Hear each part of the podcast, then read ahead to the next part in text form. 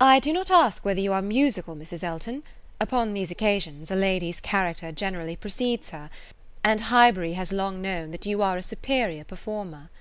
"O oh, no, indeed! I must protest against any such idea. A superior performer! very far from it, I assure you. Consider from how partial a quarter your information came. I am dotingly fond of music, passionately fond, and my friends say I am not entirely devoid of taste; but as to anything else, upon my honour my performance is mediocre to the last degree. You, Miss Woodhouse, I well know, play delightfully. I assure you it has been the greatest satisfaction, comfort, and delight to me, to hear what a musical society I am got into. I absolutely cannot do without music. It is a necessary of life to me; and having always been used to a very musical society, both at Maple Grove and in Bath, it would have been a most serious sacrifice. I honestly said as much to Mr. E. when he was speaking of my future home, and expressing his fears lest the retirement of it should be disagreeable, and the inferiority of the house too, knowing what I had been accustomed to, of course he was not wholly without apprehension. When he was speaking of it in that way, I honestly said that the world I could give up, parties, balls, plays, for I had no fear of retirement. Blessed with so many resources within myself, the world was not necessary to me; I could do very well without it. To those who had no resources it was a different thing; but my resources made me quite independent; and as to smaller sized rooms than I had been used to, I really could not give it a thought. I hoped I was perfectly equal to any sacrifice of that description. Certainly I had been accustomed to every luxury at Maple Grove but I did assure him that two carriages were not necessary to my happiness, nor were spacious apartments. But, said I, to be quite honest, I do not think I can live without something of a musical society. I condition for nothing else, but without music, life would be a blank to me."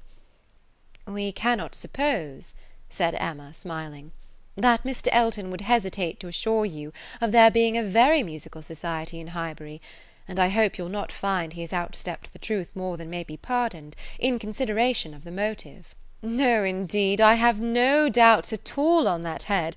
I am delighted to find myself in such a circle. I hope we shall have many sweet little concerts together. I think, Miss Woodhouse, you and I must establish a musical club, and have regular weekly meetings at your house, or ours. Will not it be a good plan? If we exert ourselves, I think we shall not be long in want of allies. Something of that nature would be particularly desirable for me, as an inducement to keep me in practice; for married women, you know, there is a sad story against them in general; they are but too apt to give up music." "But you, who are so extremely fond of it, there can be no danger, surely?" "I should hope not. But really, when I look around among my acquaintance, I tremble. Selina has entirely given up music, never touches the instrument, though she played sweetly; and the same may be said of Mrs. Jeffreys, Clara Partridge that was, and of the two Milmans, now Mrs. Bird and Mrs. James Cooper, and of more than I can enumerate. Upon my word, it is enough to put one in a fright.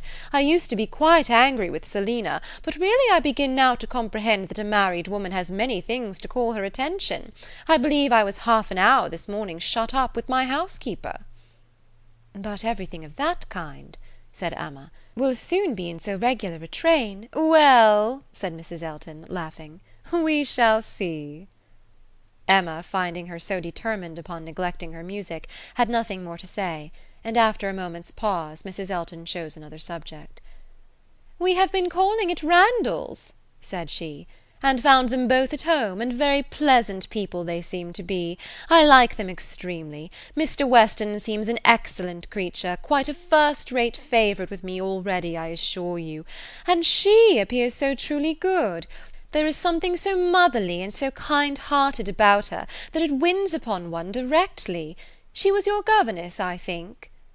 Emma was almost too much astonished to answer, but Mrs. Elton hardly waited for the affirmative before she went on. "Having understood as much, I was rather astonished to find her so very ladylike; but really she is quite the gentlewoman." "Mrs. Weston's manners," said Emma, "were always particularly good; their propriety, simplicity, and elegance, would make them the safest model for any young woman." And who do you think came in while we were there?"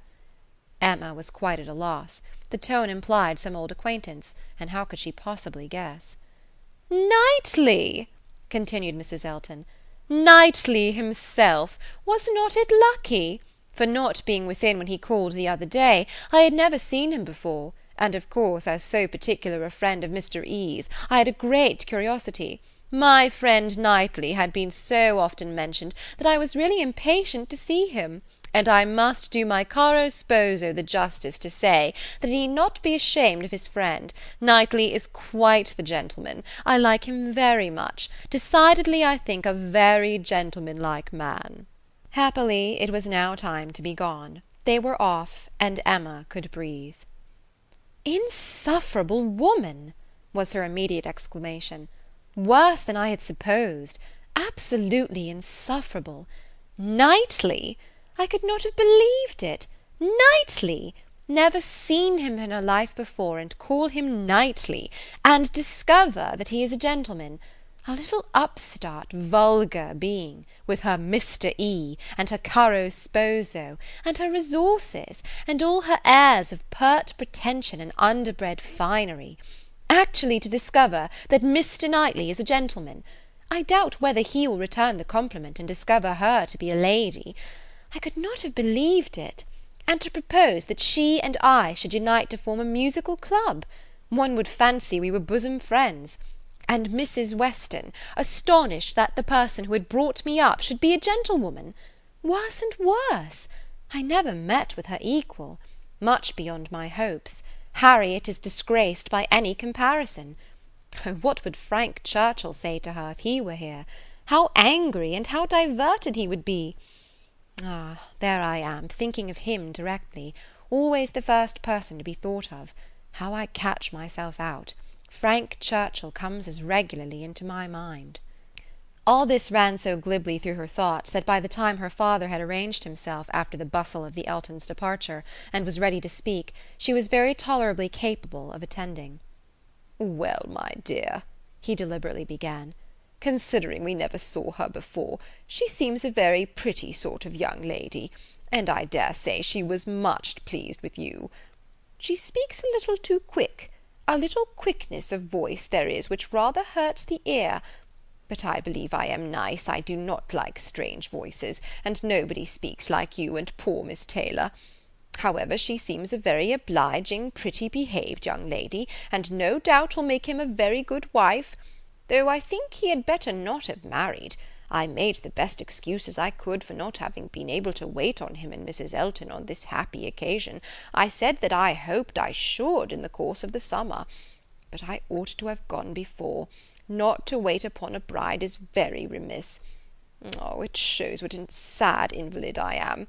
But I do not like the corner into Vicarage Lane. I dare say your apologies were accepted, Sir. Mr. Elton knows you.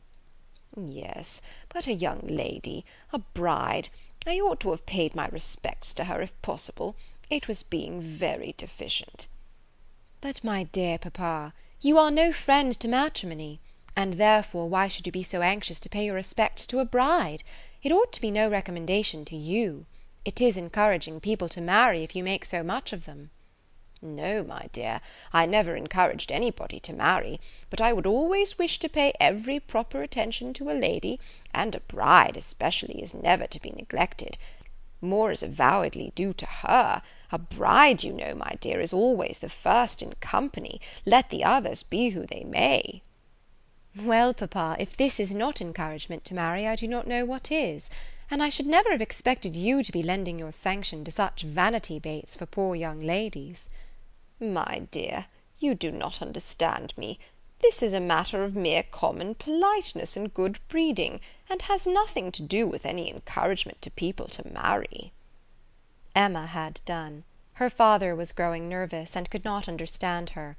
Her mind returned to Mrs. Elton's offences, and long, very long, did they occupy her.